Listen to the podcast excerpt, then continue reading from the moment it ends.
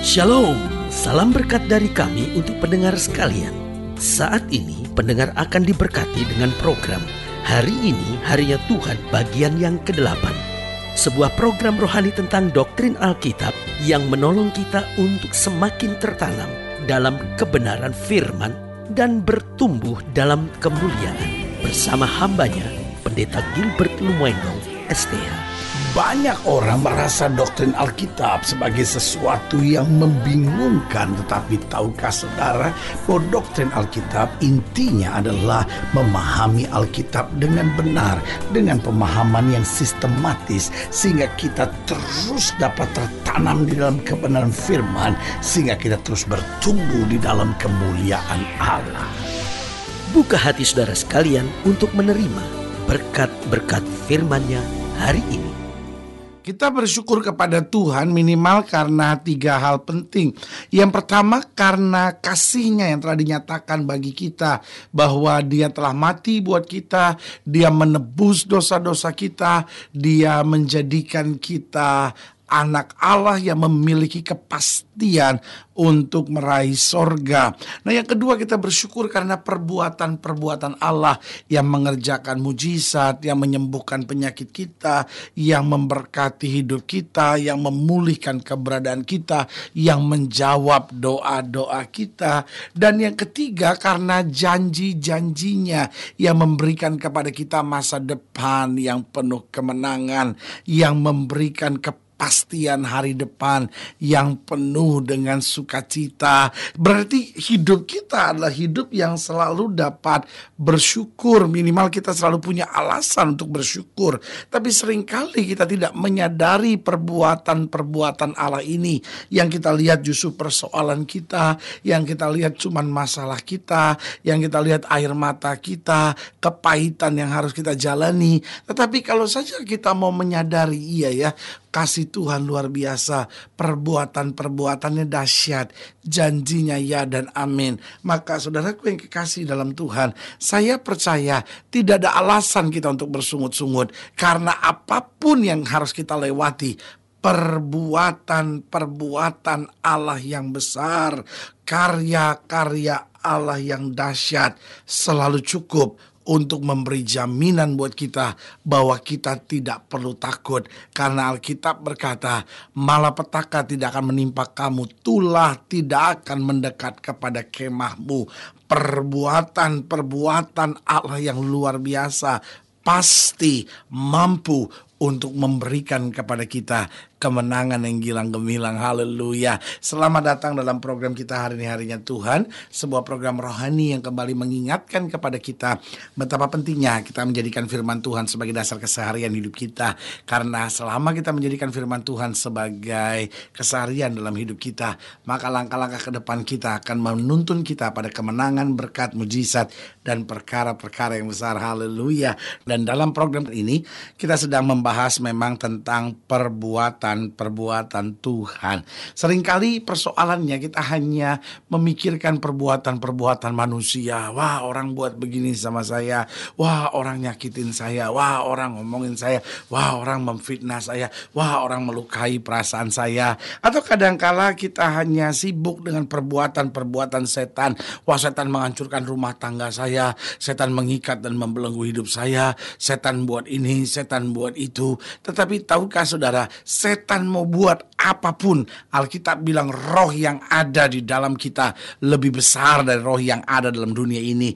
Manusia mau buat apa pun, Alkitab jamin buat kita bahwa meskipun manusia mereka-rekakan yang jahat buat kita, Allah tetap mampu mampu untuk mereka-rekakannya untuk kebaikan bagi setiap orang yang mengasihi dia. Haleluya. Nah saudara yang kasih dalam Tuhan dalam program tentang perbuatan-perbuatan Tuhan ini kita sedang belajar dari Mazmur 107 Mazmur 107 ayat yang ke-21 sampai ayat yang ke-32 Mazmur 107 ayat 21 sampai 32 demikian firman Tuhan Mazmur 107 ayat 21 sampai 32 Biarlah mereka bersyukur kepada Tuhan karena kasih setianya. Karena, perhatikan baik, perbuatan-perbuatan yang ajaib terhadap anak-anak manusia. Biarlah mereka mempersembahkan korban syukur dan menceritakan pekerjaan-pekerjaannya dengan sorak-sorai. Ada orang-orang yang mengarungi laut dengan kapal-kapal, yang melakukan perdagangan di lautan luas. Mereka melihat pekerjaan-pekerjaan Tuhan dan perbuatan-perbuatan yang ajaib di tempat yang dalam. Ia berfirman, maka dibangkitkan angin badai yang meninggikan gelombang-gelombangnya. Mereka naik sampai ke langit dan turun ke samudera raya. Jiwa mereka hancur karena celaka. Mereka pusing dan terhuyung-huyung seperti orang mabuk dan kehilangan akal. Maka berseru-serulah mereka kepada Tuhan dalam kesesakan mereka. Dan dikeluarkannya mereka dari kecemasan mereka. Dan dibuatnya badai itu diam. Sehingga gelombang-gelombangnya tenang. Mereka bersuka cita sebab semuanya reda. Dan dituntunnya mereka ke pelabuhan kesukaan mereka. Biarlah mereka bersyukur kepada Tuhan karena kasih setianya. Karena perbuatan-perbuatan yang ajaib terhadap anak manusia. Biarlah mereka meninggikan dia dalam jemaat umat itu dan memuji-muji dia dalam majelis para tua-tua. Ayat yang ke-31 saya mau ulangi sekali lagi. Biarlah mereka bersyukur kepada Tuhan karena kasih setianya, karena perbuatan-perbuatan yang ajaib terhadap anak-anak manusia. Nah, saudaraku yang kasih dalam Tuhan, kapan kita bisa lihat perbuatan-perbuatan Tuhan dalam hidup kita? Saya pelajari dalam ayat-ayat bacaan ini, saya pelajari beberapa hal yang nyata perbuatan Tuhan. Yang pertama, coba lihat pada ayat yang ke-21 dikatakan, Biarlah mereka bersyukur kepada Tuhan karena kasih setianya, karena perbuatan-perbuatan yang ajaib terhadap anak-anak manusia. Biarlah mereka mempersembahkan korban syukur dan menceritakan pekerjaan-pekerjaan dengan sorak-sorai. Yang pertama saya pelajari perbuatan-perbuatan Tuhan nyata dalam berkat-berkat yang kita terima. Saudaraku yang kasih dalam Tuhan, kalau kita mau jujur, setiap kita sebetulnya adalah orang-orang yang diberkati. Coba saudara lihat ke belakang dari hari-hari hidup saudara. Bukankah berkali-kali doa di dijawab. Berkali-kali kita terima mujizat yang luar biasa. Berkali-kali kita dalam situasi yang terjepit. Tapi Tuhan menolong, menyelamatkan kita. Berkali-kali kita pikir sudah tidak mungkin. Tapi ada saja jalan keluar. Ada saja pertolongan. Sebagian orang berkata, ah, itu kan kebetulan. Sebagian orang berkata, aduh untung saja ada yang menolong. Sebagian kita berkata, waduh ini hari yang luar biasa keberuntungan buat saya. Karena sebetulnya saya harusnya begini, tapi kemudian, oh akhirnya bisa begini. Saudaraku yang kasih dalam Tuhan, tidakkah kita sadar bahwa itu semata-mata berkat yang kita terima. Bahkan kalau kita masih bisa sehat, bahkan kalau kita masih bisa mengerjakan tugas pekerjaan kita di tengah masalah dan tantangan yang kita terima, bukankah itu juga berkat karena Tuhan memelihara kita, Tuhan memberkati kita dengan kesehatan, Tuhan memberkati kita dengan akal budi, Tuhan memberikan kepandaian, Tuhan memberikan kesempatan-kesempatan dalam kehidupan kehidupan kita. Tapi sering kali kita nggak menyadarinya. Tetapi ingat perbuatan-perbuatan Tuhan nyata dalam berkat-berkat yang kita terima. Karena itu kita harus bersyukur setiap hari buat segala berkat yang sudah kita terima dalam kehidupan kita. Yang kedua saya pelajari kapan perbuatan-perbuatan Tuhan nyata. Coba lihat ayat yang ke-25 sampai ayat yang ke-27 dikatakan. Ia berfirman, maka dibangkitkan angin badai yang meninggikan gelombang-gelombangnya. Mereka naik sampai ke langit dan turun ke samudera raya. Jiwa mereka hancur karena celaka. Mereka pusing dan terhuyung-huyung seperti orang mabuk dan kehilangan akal. Yang kedua saya pelajari perbuatan-perbuatan Tuhan nyata dalam teguran-teguran yang kita terima. Saudaraku yang kasih dalam Tuhan, perbuatan Tuhan bukan hanya nyata dalam berkat, tapi juga dia menegur. Kenapa? Karena teguran-teguran yang kita terima itu baik buat kita. Menyadarkan kita, mengingatkan kita tentang jalan-jalan keliru yang kita tempuh. Tentang sifat dan karakter yang buruk yang masih kita simpan dalam hidup kita. Mengingatkan kita kita tentang bagaimana kita harus hidup dalam kasih. Kita jangan egois, kita jangan sombong, kita jangan mau menang sendiri. Kita jangan jadi orang yang angkuh, arogan, tapi kita harus jadi orang yang bisa menerima orang lain apa adanya. Kita bisa jadi berkat, kita bisa hidup dalam kerendahan hati. Kita bisa punya karakter ilahi senantiasa. Karena Tuhan tegur kita. Tuhan tegur kita bukan mau pukul kita, tapi Tuhan tegur kita karena mau lihat perubahan dalam hidup kita, mau lihat keberadaan kita supaya makin hari makin berkenan kepada Tuhan. Tuhan. Karena itu kalau saudara sedang menghadapi tantangan, menghadapi masalah jangan kecil hati. Itu kadang-kala perbuatan-perbuatan Tuhan yang nyata lewat teguran-teguran yang kita terima. Jadi ingat yang pertama perbuatan-perbuatan Tuhan nyata dalam berkat yang kita terima. Yang kedua perbuatan-perbuatan Tuhan nyata dalam teguran-teguran yang kita terima. Lalu yang ketiga saya pelajari coba ayat yang ke-28 saudara lihat ayat yang ke-28 sampai ayat yang ke-30 demikian firman Tuhan. Maka berseru-serulah mereka kepada Tuhan dalam kesesakan mereka dan dikeluarkannya mereka dari kecemasan mereka. Dibuatnya pada itu diam sehingga gelombang-gelombangnya tenang. Mereka bersuka cita sebab semuanya reda dan dituntunnya mereka ke pelabuhan kesukaan mereka. Yang ketiga saya pelajari perbuatan-perbuatan Tuhan nyata dalam apa menyadarkan kita. Alkitab bilang tidak seorang pun dapat mengaku Yesus Kristus Tuhan kecuali oleh Roh Kudus dengan lain kata, kita dari diri kita sendiri tidak sadar. Yesus berkata, bukan kamu yang memilih aku, tetapi akulah yang memilih kamu. Dalam kitab Roma dikatakan bahwa semuanya telah berdosa, hilang kemuliaan Allah. Tidak ada seorang pun yang mencari Allah, tidak ada seorang pun yang berakal budi. Artinya kalau kita bisa sadar, kita bisa bertobat, itu kan karena perbuatan Allah.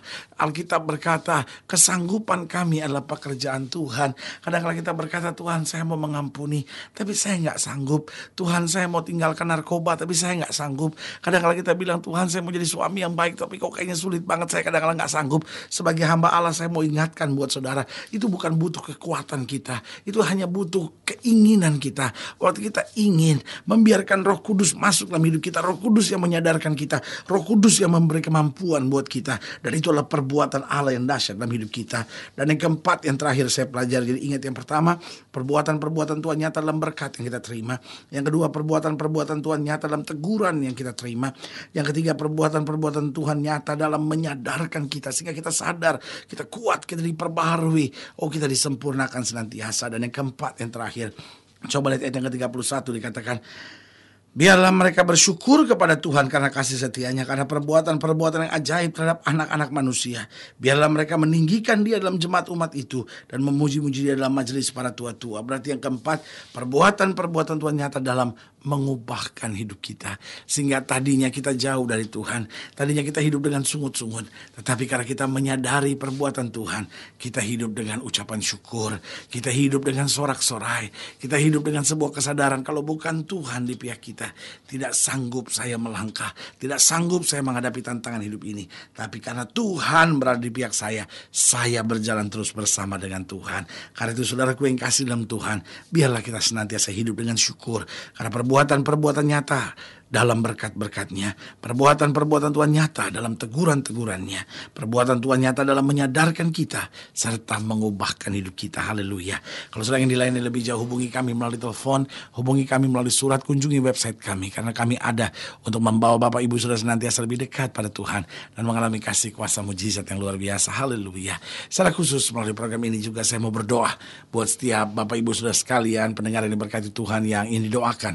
Mungkin sudah sakit, mungkin sudah berbeban berat. Mungkin saudara sedang menghadapi tantangan-tantangan yang sukar. Saudara ingin didoakan secara khusus boleh taruh tangan kanan saudara di dada. Dan kita akan berdoa. Mari kita berdoa. Bapak dalam nama Yesus hamba doa buat yang sakit, hamba doa buat yang berbeban berat. Secara khusus hamba doa untuk setiap mereka taruh tangan kanannya di dada yang membutuhkan mujizat kekuatan pada saat ini. Bapak hamba berdoa di dalam nama Yesus Tuhan jamah. Yang sakit Tuhan sembuhkan, yang lemah Tuhan kuatkan, yang susah Tuhan hiburkan. Rumah tangga, rumah tangga dipulihkan, orang-orang muda diberkati, para pekerja, karyawan, usahawan, pedagang hamba doakan di dalam nama Yesus. Boleh melihat berkat Tuhan yang berkelimpahan. Dan akhirnya kami boleh berjalan terus dekat dengan Tuhan dan memuliakan nama Kristus. Hamba berdoa di dalam nama Yesus. Haleluya. Amin. Saudaraku yang kasih dalam Tuhan kita sudah berdoa. Ingat Allah tidak pernah lalai menepati janjinya.